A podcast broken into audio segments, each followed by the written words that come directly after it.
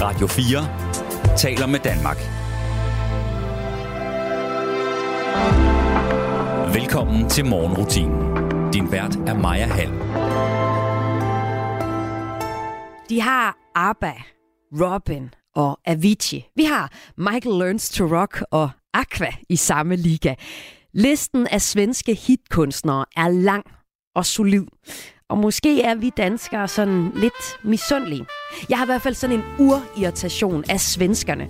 De er ligesom for mig den der populære wonderkid i klassen. Ikke? De har flot natur og taler åh så ordentligt til hinanden. Ja, de har lige sådan et indvandringsproblem, men til gengæld har de Lisa Ekdal. Vem vet inte du, vem vet inte jag Vi vet ingenting nu, vi vet inget idag Vi har Lars Larsen, de har IKEA, en fast del af et hvert parforholdstest. Der er aldrig nogen, der har talt om at tage jysk og spise kødboller. Goddag, jeg hedder Lars Larsen og har just sengetøjslærer. Jeg vil give dig et tilbud.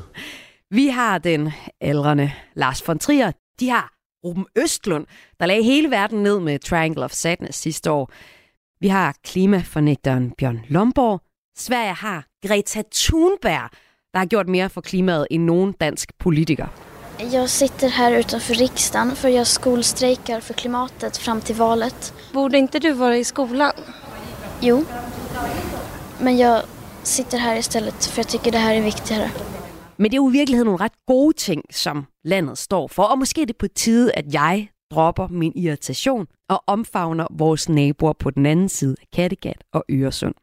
I anledning af, at det i dag er Sveriges nationaldag, har jeg inviteret den sejeste svensker i Danmark, som jeg kender, ind her i morgenrutinen. Det er musikeren Lucky Lo. Jeg vil prøve at se, om jeg kan lave lidt stærkere bånd til øh, Sverige gennem hende. Lucky Lo er nemlig øh, født i Umo i Sverige i 92, men så hun flyttet til Danmark i 2014, hvor hun uddannede sig på det rytmiske musikkonservatorium. Hun har medvirket på omkring 16, måske mere udgivelser, inden det blev til Lucky Lo. Jazzplader, improvisationsplader, kor og producer, alt muligt. Og så er det så blevet til Lucky Lo, som hun turnerer rundt med lige nu. Og øh, mest kendt er hendes øh, fine nummer Super Carry fra albummet af samme navn, der handler om, at ved at være der for andre, løfte andre op, det betyder sådan set, at du også selv kan blive løftet op. Hold op, hvor er det også bare svensk, var.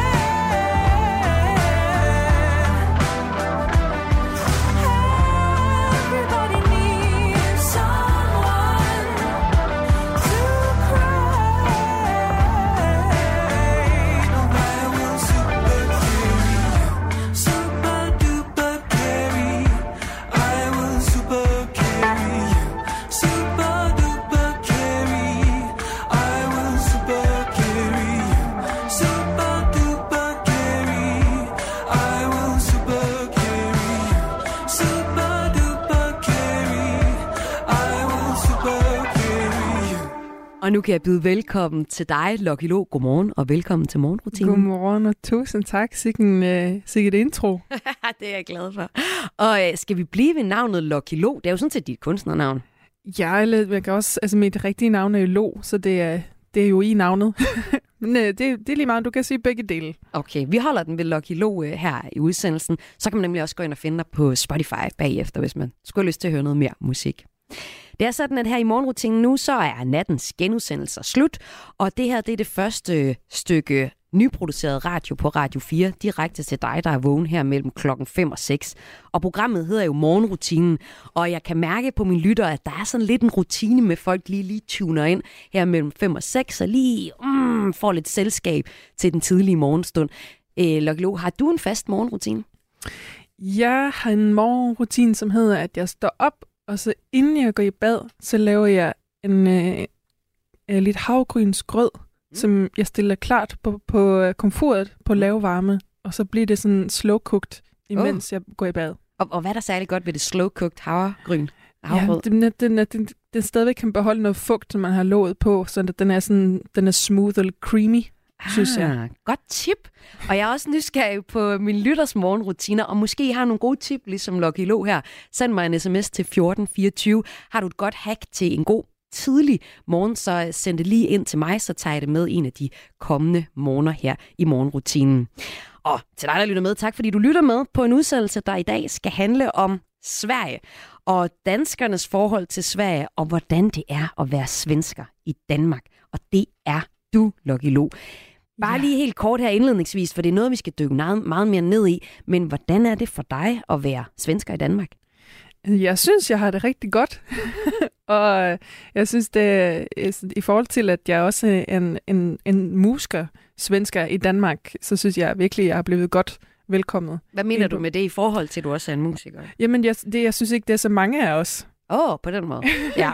Eller jeg har i hvert fald ikke så mange øh, svenske musikere på, på lige præcis på måske popscenen i Ja, Danmark. Det, ja. Jeg synes, jeg har virkelig mange jazzmusikere, som er svensker, som kommer herover, fordi at, at uh, jazzscenen i Danmark er så mega nice.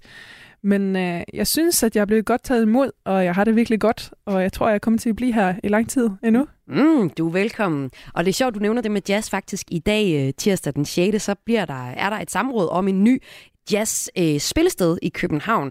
Så det er en scene, der også øh, udvikler sig Ja. øh, med det der. Det er vi glade for. Ja. Øhm, men grunden til, at jeg også spørger dig om, hvordan det er at være svensker i Danmark, det er, fordi jeg også ved, at, at du kigger også lidt på Sverige og Danmark som nogle lande med hver sin energi, hver sin personlighed. Og at øh, Danmark er måske et folkefærd, hvor folk er lidt mere ærlige, og det kan også nogle gange gøre lidt mere ondt. Hvordan det? Ja, jeg, jeg synes i hvert fald, at vi er en familie. At man kan se Danmark, Sverige og Norge, hvis man kigger på Norden, the North, ligesom at vi er, vi har den samme forældre på en eller anden måde. Men at vi i hver så har hver sin personlighed. Og så kan man kigge på, måske på Sverige, som den her lidt mere sådan, øh, pakket ind, lidt mere uptight kultur. Øh, sådan, måske som Danmark vil se som lidt humorforladt nogle gange. Og, og der har du en af mine øh, favoritkæpheste. Ja. ja. og så kigger vi svensker på danskere og tænker, at I er der lidt uansvarlige, og I er jamen, lidt mere grovkornet Ja. på en eller anden måde, som nogle gange kan, du ved, man støder lidt sammen der nogle gange, ligesom to søskner, at man har sådan sin store søster, som har det ryddelige verse, og som øh, måske ikke viser så meget, hvad hun føler, og så har vi måske lillebror, som ikke har lige så ryddeligt på sit værelse, men som i hvert fald giver udløb på sine følelser, og så kan de ligesom komme op og, og skinnes lidt med hinanden. Men i virkeligheden, så, så kigger vi også svensker på Danmark og siger, ej, hvor er det dejligt, I altså har lidt mere sådan, frihed og lidt mere sådan, ja, lidt mere åbne med, hvordan I har det. Ah, nu og, charmer du. Nu charmer Ja, du. Det kan jeg jo også og, godt lide og så kigger jeg måske Danmark på Sverige og tænker, ej, hvor er det egentlig nice, at de har så styr på det. Ja. Og vi skal høre lidt, lidt, mere, lidt mere konkret eksempel på, hvordan du har mødt øh, danskernes personlighed, efter du kom til øh, Sverige. Men først så skal vi se på den svenske nationaldag, som jo er i dag en dag, hvor du har fortalt, at man blandt andet spiser en slags øh, kajkage.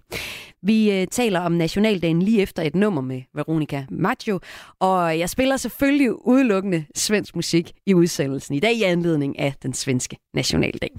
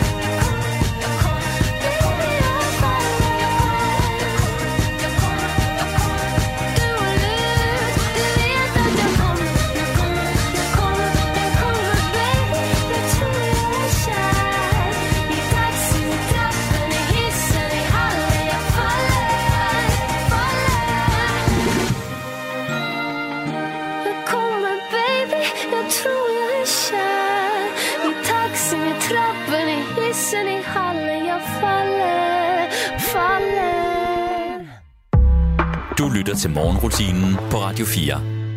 Hvorfor er det lige, at svenskerne er så gode til at lave popmusik, der når hele verden rundt og sjæller millioner? Det har TV2 engang i 2013 spurgt Veronica Maggio om, og det var hende, vi lige hørte her. Og hun svarede, at øh, landene er meget forskellige i melodi i sproget, og sagde også, at vi svensker er bedre til at sidde inden for at lave musik alene, mens danskerne, som jo er verdens mest lykkelige folk, det kan nok diskuteres, er lidt mere udgående i deres verden. Så sidder vi svensker mere alene og skaber vores egne universer. Og hun sagde også noget med, at det, at det der med, at Sverige er så stort et land, så der er store vider, og man kommer til at sidde lidt mere alene. Giver det her svar mening for dig, Lucky Lo?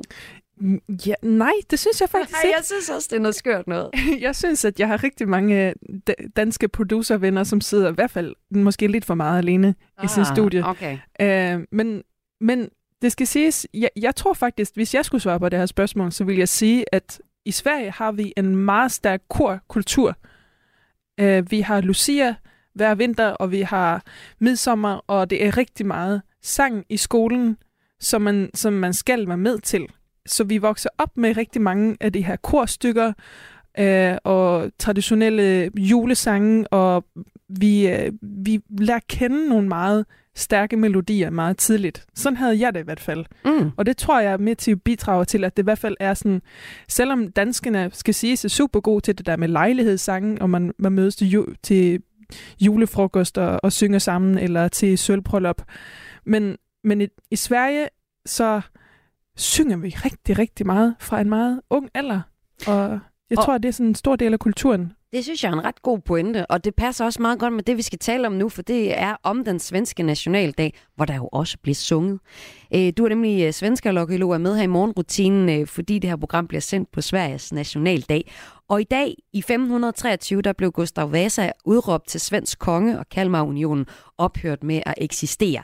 Og historien bag den svenske nationaldag, lynkort, starter for 500 år siden, øh, november 1520. Den danske kong Christian den anden bliver kronet som arvekonge af Sverige. I samme forbindelse henretter han 82 øh, svenske biskopper og en hel masse andre. Det bliver kaldt det stokholmske blodbad. Men øh, den her magtdemonstration, den ligger ikke låg på den længerevarende konflikt, der har været mellem Danmark og Sverige, som man håbede. Det har faktisk en stik modsatte virkning, og øh, stemningen mellem Sverige og, og Danmark er ret anspændt, og kong Christian må frataget tronen allerede året efter, og så kommer Gustav Vasa ind i billedet, bliver hyldet og kronet til konge af et uafhængigt Sverige. Og det er altså det, der bliver fejret i dag. Øhm, hvordan bliver det sådan mere konkret fejret i Sverige, altså nationaldagen i dag, Lokilo? Men øh, hvis man sidder derhjemme, så kan man slå på fjernsynet, så kan man se øh, Carl Gustav, kongen og dronning Silvia øh, i sit pæne gule-blå øh, folketrækstøj, hvor vi synger sange og vifter lidt med vores flag. Ja. Øh, ellers så kan man bare sige, at i dag er det en god lejlighed til at fika lidt ekstra lækkert. Ja. Så vi tager prinsesstårten frem, og øh, det er jo sådan en, en hindbærs lavkage med et øh, grønt marcipan overtræk, og den smager himmelst lækkert.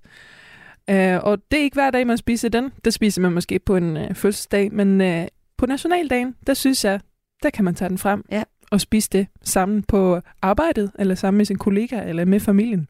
Ja, du siger, at man øh, her på nationaldagen nok i Sverige køber en lidt dyrere fika. Nu må du lige forklare til dem, der ikke er med, hvad er en fika? Fika er, øhm, hvis man kigger på 1930, så fika er sådan en baglænges form af kaffe, som er kaffe, som de har byttet plads på, og jeg ved ikke, hvorfor de har gjort det, men det er sådan en betegning for, at man sidder ned sammen og spiser noget mellem de større måltider. Så et mellemmål, kan man også kalde det. Så det betyder, at man kan have kaffe eller te, så det er varme drikke, men man kan også have saftvand. Og så har man en kage eller en bulle, en kanelbulle, eller en øh, smørgåstorte, eller en, en, en sandwich. Så ikke noget varmt, så det er ikke noget suppe eller noget varme mad. Det er heller ikke rigtigt, at man tager en, sådan, en robrødsmad.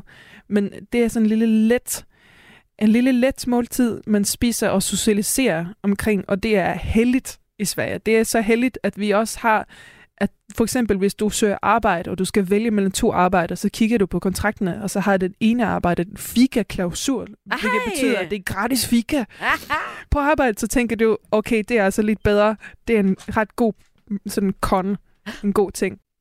Ja, så fika er en stor del af nationaldagen og den øh, svenske kultur og kulturhistorie, som du fortæller, Lucky Lo. Og så er musikken også en del af den svenske nationaldag. Der bliver for eksempel sunget Du gamla, du fria. Ej, var det svensk at starte med sådan noget fuglefløjt også. Du gamla, du fria, du fjällhöga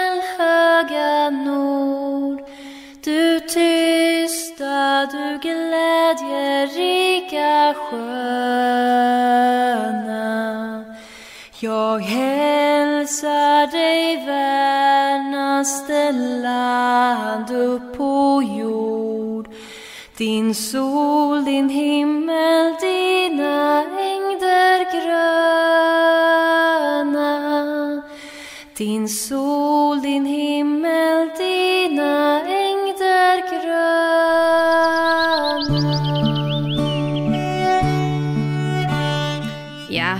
er det Ida Linnea, der synger Du gamla, du fria. Og øh, det gør hun, fordi det er den svenske nationalsang. Eller det er det jo faktisk ikke, Lucky Lo. Det er bare den, I går og kalder jeres nationalsang. Ja, som jeg i hvert fald har forstået det, så var det en øh, konkurrence på et tidspunkt, for øh, måske var det slutningen af 1800-tallet, hvor øh, man skulle så vælge, hvad, for, hvad den nye nationalsang skulle være. Og det var også en tid, hvor altså i hele Europa var det rigtig meget sådan nationalisme, og folk Mm. skulle vide, ligesom definere, hvad deres nation stod for, og så videre. Det er helt rigtigt. Det var en underholdningsaften i, i Stockholm i 1844, for 44, Richard, øh, Richard Dybeck skrev den her øh, sang. Og øh, det er jo faktisk en sang, som er meget sjov at i flere henseender, udover at det ikke er den rigtige nationale sang. Den rigtige, det er kongens sang. Men det er den her, du gamle, du frier, som vi kalder jeres nationalsang. Og et ret sjovt fun fact om den, det er, at den ældste optagede version af sangen, den er fundet i Danmark på Statsbiblioteket i Aarhus. Og for at gøre ondt værre, så er den også sunget af en dansker. Er det ikke skørt? What? Ja, Det vidste jeg ikke. nej. Og den her øh, originale optagelse af Arkus Stitz, som man troede var fra Sverige, men har fundet ud af var dansk, øh, den optagelse, den øh, har man, og øh, Stadsbiblioteket har afleveret den til Sverige, som er rigtig glad for at Ej, var I søde. Ja, Tusind tak. Ja, velbekomme, velbekomme. Men det er jo faktisk øh, den her, som er den sådan øh, rigtige nationalsang, som bliver øh, sunget ved kongens fødselsdag, årlig åbning af riksdagen og Nobelprisceremonien, og den lyder noget mere bombastisk, i hvert fald i den her udgave med det kongelige svenske kammerorkester. Hur svenska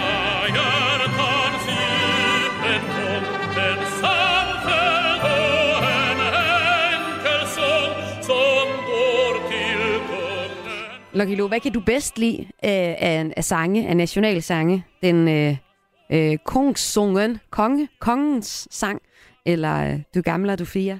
Jamen, jeg synes jo bare, Du gamle det frie, det er, det er et hit. Ja. Og det kunne, det kunne vi mærke dengang, den, øh, den så ikke blev valgt. og så var det bare sådan, jamen det er bare den, vi skal synge alligevel.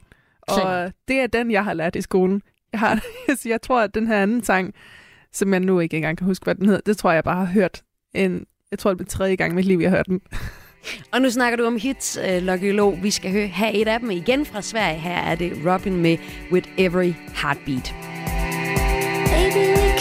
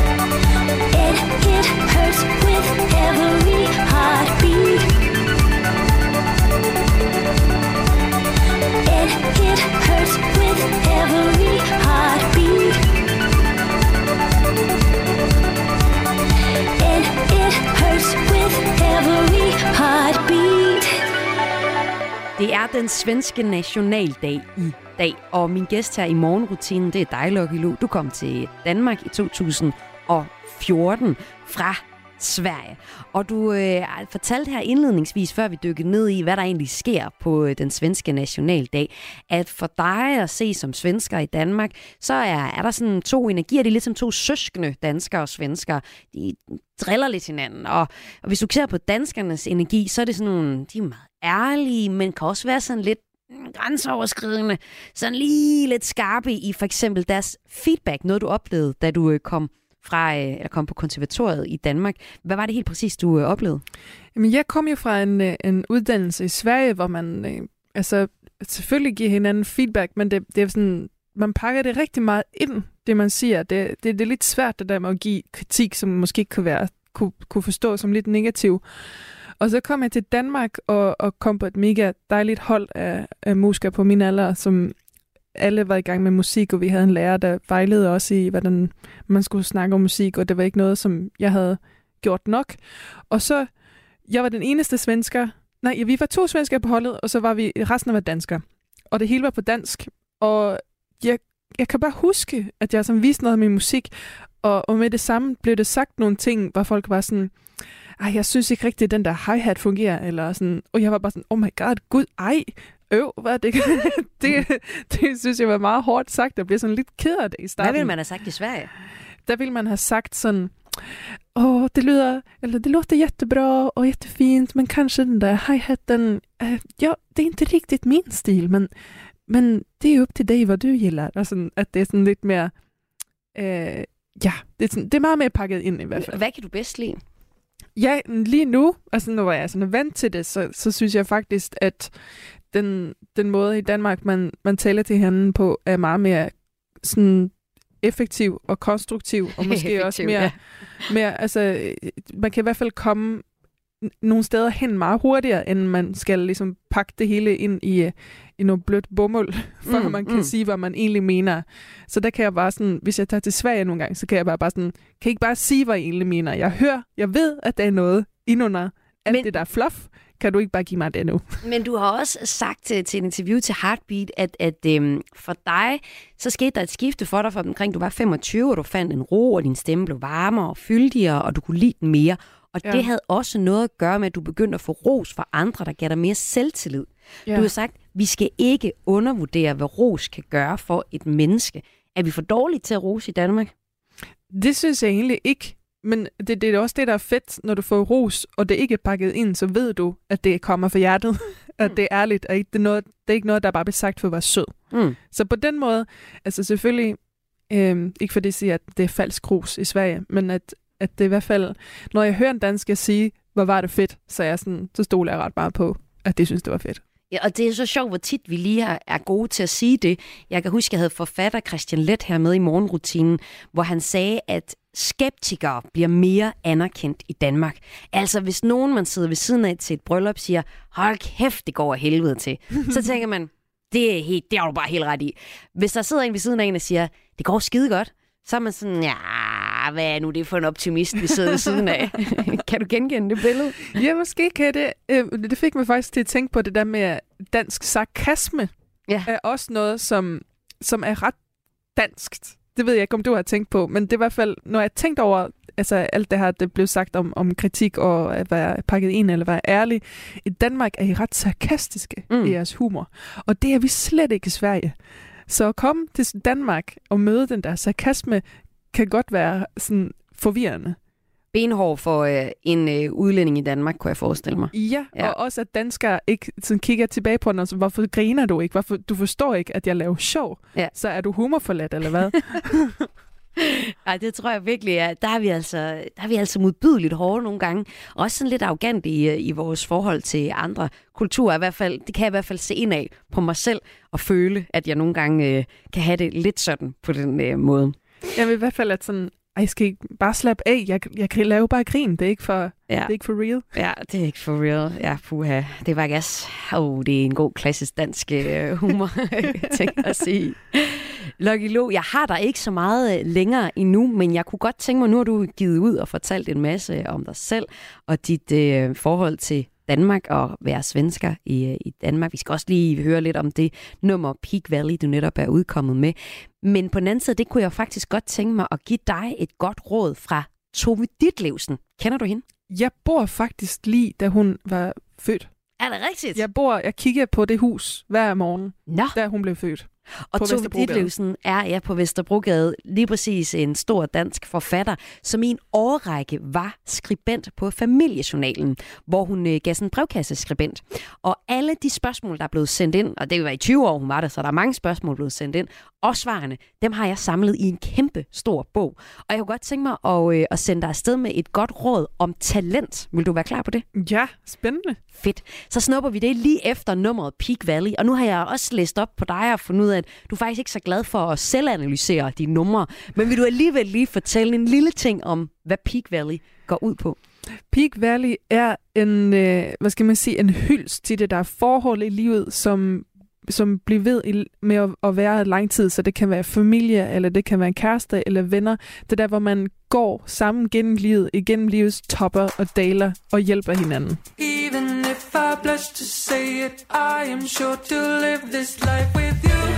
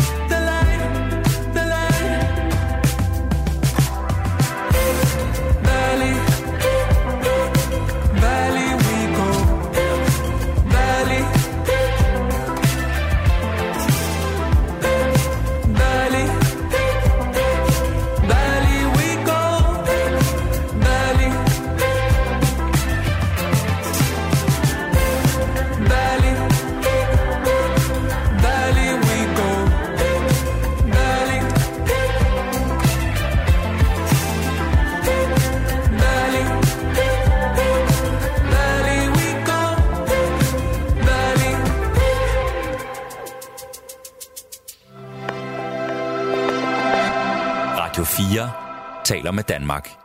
Jeg har glæden af at have besøg af Lucky Lo her i morgenrutinen i dag. Hun er nemlig fra Sverige, og i dag er det Sveriges nationaldag. Og øh, Lucky Lo, det sidste, jeg vil øh, give dig med, det er et øh, godt råd fra Tove Ditlevsens brevkasse. Det er ikke sikkert, du kan bruge det til noget, men det kan være, der er nogle andre, der kan. Jeg synes, det er så skønt at læse op fra den her familiejournals brevkasse, for noget, der er fra det her råd, det er fra 57. Og stadig synes jeg nogle gange, de giver mening, det her. Nå, er du klar på det? Yes. Godt, så får vi først et øh, spørgsmål her. Det kommer fra JK, der spørger. Kære Tove Ditlevsen, jeg er 13 år. Mine venner og mine forældre siger, at jeg er god som forfatter. Særligt til små sekundnoveller. Må der ikke skulle være en chance, som for eksempel at skrive novelle til familiejournalen? Det er altså der, han skriver ind til os, eller hun. Jeg vil ikke skrive sådan nogle store nogen, som de rigtige forfattere skriver. Det eneste, der er i vejen, er, at jeg staver så dårligt. Jeg får MG+, ja, det ved jeg ikke, jeg tror, det er en, en dårlig karakter, i diktat. Må jeg sende en af novellerne til dem? Spørgsmålstegn. Så underskriver vedkommende sig JK. Det kan jo være en dreng og en pige. Så skriver øh, Tove Ditlevsen, kære JK, jeg vil gerne læse en af dine små noveller, men du skal ikke blive skuffet, hvis du ikke synes, den er god nok til at blive trygt. Det vil jo næsten være uhyggeligt, hvis det var det, for så er du det, man kalder et vidunderbarn. Og sådan børns skæbne er ofte temmelig tragisk. De er i reglen kun usædvanligt tidligt modne, men senere adskiller deres udvikling sig ikke væsentligt fra det normale. Det er en skuffelse, som ikke er let at overvinde for et menneske, der fra barndommen er vendet til at se et enestående fremtid i møde. Men jeg kan da fortælle dig, at selv de største digtere begynder med at skrive rigtig dårligt, fordi trangen til at udtrykke sig vågner, før talentet er modnet. Med venlig hilsen, din Tove Ditlevsen. Wow. Og jeg har valgt at tage det her, fordi jeg ved, at du som lille drømte om at blive musiker og være sanger, men at du synes ikke, din stemme den var god nok. Er det ikke rigtigt? Det er rigtigt. Ja. Hvad tænker du, når du hører det her råd fra Tove Ditlevsen? Jeg synes, det er et glimrende, mega godt råd, hun har givet. Og meget sandt også det der med, øh, med hvad hedder det, vidunderbarn. Ja, hvad mener du med det? Jamen det, jamen det er at få at vide, at man er så god meget tidligt, kan være fantastisk, men det kan også medføre, at, at du får en større krise senere hen. Hvordan ser du det? Jeg ser det som, at, at øh, når, når du vælger at blive kunstner, eller vælger at, at, at leve på noget, du skaber fra dig selv, kan det være svært at adskille, hvad som er dig, og hvad, altså dit værk og dig selv. Øh, og når man også er i den her kulturbranche, så møder du også rigtig meget kritik. Det er sådan en del af det, at du får anmeldelser, at folk kommer til at synes ting om det, du gør. Og hvis du får at vide som meget ung, at, at du er et vidunderbarn, og, og, og når du så senere han begynder at få kritik, så tror jeg, at det, det slår meget hårdt på dig, fordi du ikke er vant til den der skuffelse. Det er faktisk ret vigtigt at få lov til at lave dårlige produkter som kunstner, få lov til ikke være sit bedste hele tiden, fordi at det er, jeg synes for eksempel selv, jeg tit skriver seks sange, før det kommer en god sang. Men jeg bliver nødt til at gå igennem alle de her, lave det her sange, og få dem ud af mit system, for at nå ind til kernen af det, jeg egentlig vil sige, eller det, jeg egentlig vil kommunikere med musik. Og det tager tid, og det skal få lov til at tage tid. Og jeg er glad for, at du har taget dig den tid, for det der er jo kommet musikprojektet Lucky Lo ud af, som øh, du er aktuel nu med. Vi har lige øh, hørt Peak Valley, et nummer, den seneste single fra dig. Og øh, til at slutte af og sige tak, fordi du var med at komme ind og tale om at være, ja nu kunstner, men også øh, være svensker i, øh, i Danmark. Der kunne jeg godt tænke mig at høre dig. Hvad er dit favorit svenske nummer? Hvad står du på skuldrene af? Hvad jeg står på skuldrene af mit største favorit svenske nummer. Hold op, det er et svært spørgsmål. Et af dem. Øh, men, men jeg synes, det var sjovt, at du nævnte Lisa Ekdahl på et Ja. tidspunkt, fordi at når jeg var fire år gammel, så hørte jeg Lisa Ekdahl for første gang, og hun var min første forelskelse. Den der, hvem vet inte du, hvem vet inte jeg. Og jeg vil faktisk måske også kreditere hende med, at jeg beslutter mig for at blive sangerinde, da jeg hørte hende synge. Så det, det må betyde rigtig meget, synes jeg.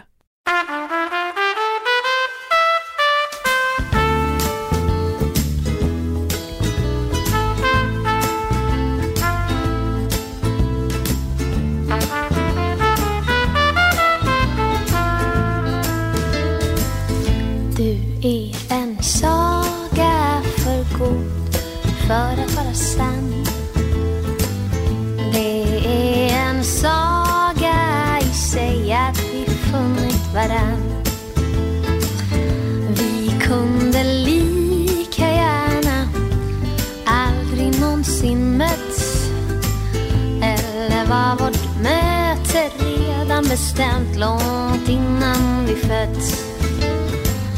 Vem vet inte du, vem vet inte jag? Vi vet ingenting nu, vi vet inget idag.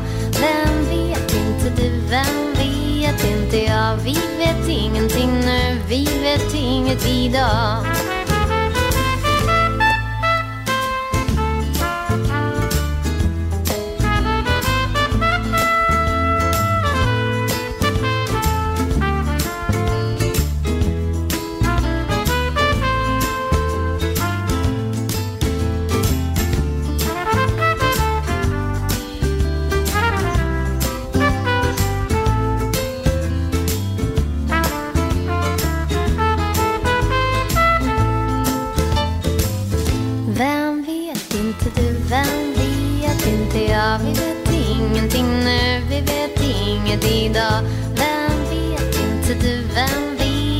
Vet det, ja, Vi vet ingenting. Nu, vi vet inget idag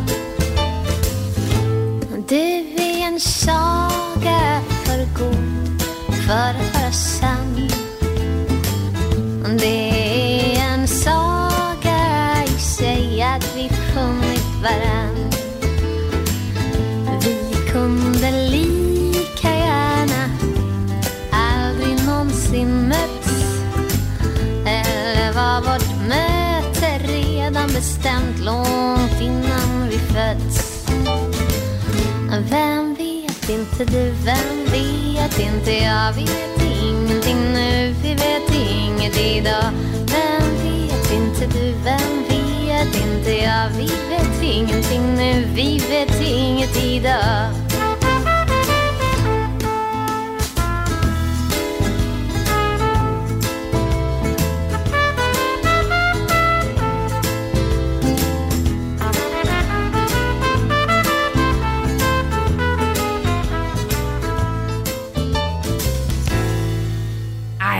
Lisa Ekdal, findes der noget mere svensk på denne Sveriges nationaldag, som jeg har zoomet ind på her i morgenrutinen på Radio 4, og kigget på, om jeg kunne forbedre forholdet mellem Sverige og Danmark en smule ved at have besøg af en svensker, der bor i Danmark, nemlig musiker Lucky Lo. Og jeg øh, synes, at jeg fik nogle indsigter om, hvordan vi kan være lidt skarpe her i Danmark, særligt med vores sarkasme. Det vil jeg tage med mig ud i virkeligheden, og næste gang jeg møder en udlænding i Danmark, måske ikke lige fyre en, øh, ah, det er bare gas, joke af. Morgenrutinen er færdig for i dag. Lucky Los øh, allerbedste morgenrutine, det var at øh, sætte noget havregrød over på laveste plus, og så lige lade det stå og blive cremet og lækker, mens hun hoppede i bad. Hvad er dit bedste morgenrutine-tip? Send det til mig på 1424, så tager jeg det med i en af de kommende morgenudsendelser. Jeg sender nemlig alle hverdage her på Radio 4 fra klokken 5 til 6. I morgen så har jeg besøg af Anne Dorte Mikkelsen. Hun er 60 plus, og øh, jeg er ret nysgerrig på at finde ud af, hvordan det er at være en moden kvinde i en uhyrelig ung popbranche, hvor der er rigtig mange unge mænd. Jeg synes, det var rigtig hårdt at blive mor.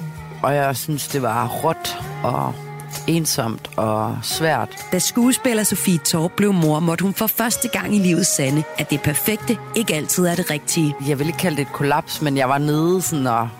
Lyt med i det sidste måltid, når Sofie Torp er død i en time. Så jeg havde sådan en bevidsthed om, at jeg, skal have noget hjælp på en eller anden måde.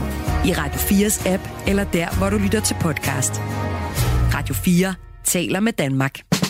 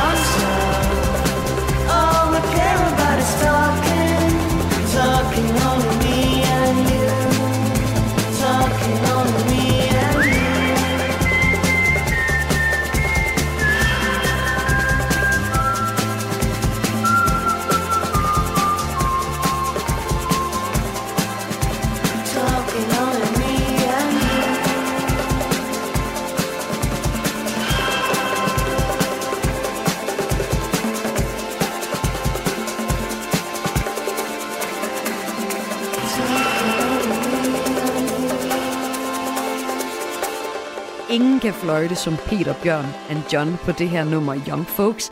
Endnu et svensk nummer, som jeg spiller her i morgenrutinen i dag, fordi det er den svenske nationaldag. Jeg har haft besøg af svensker Lucky Lo, og vi har blandt andet talt om den svenske nationalsang Du Gamla, Du Fria, som faktisk ikke er den officielle svenske nationalsang. Og faktisk så er det sådan, at den første version, der findes af den sang, det er en dansker, der har sunget den. Hvis du godt kunne tænke dig at høre hele den historie, så find programmet her som podcast. Jeg slutter udsendelsen af med endnu et svensk nummer. Det er med kunstneren Sara Larsson. Hun ligger i toppen af den svenske popliste på øh, Svenska Radio lige nu. I 2018 så var hun sådan en, der i alder af 10 år vandt den svenske version af Got Talent, og det har hun i den grad talent. Hun er fortsat fremad med masser af hits. Hun kommer til Danmark på Nibe Festival her til sommer, og øh, her får du nummeret Can't Tame Her. Lige efter det nummer, så får du dagens første nyhedsoverblik, og så bliver mikrofonen givet videre til Radio 4 morgen. Rigtig god morgen til dig.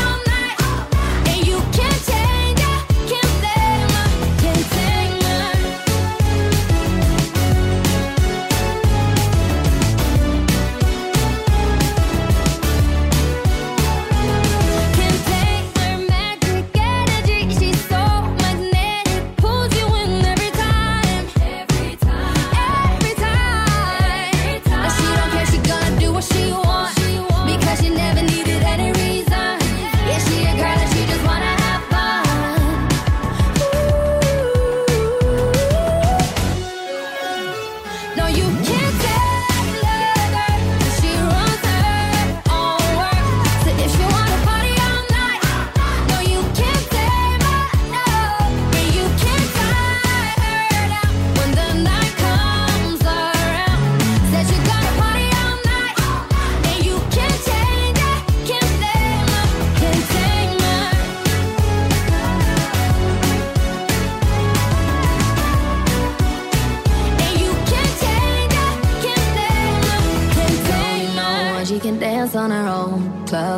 but she ain't going home. Night is still young, where the hell will she go?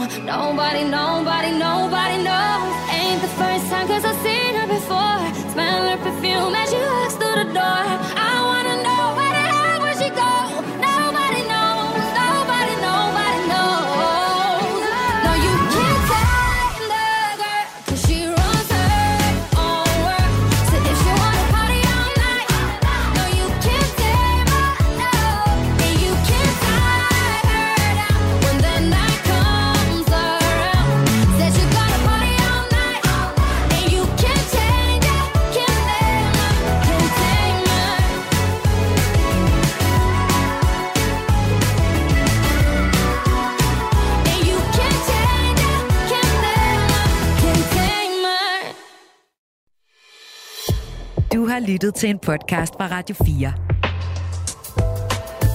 Find flere episoder i vores app, eller der, hvor du lytter til podcast.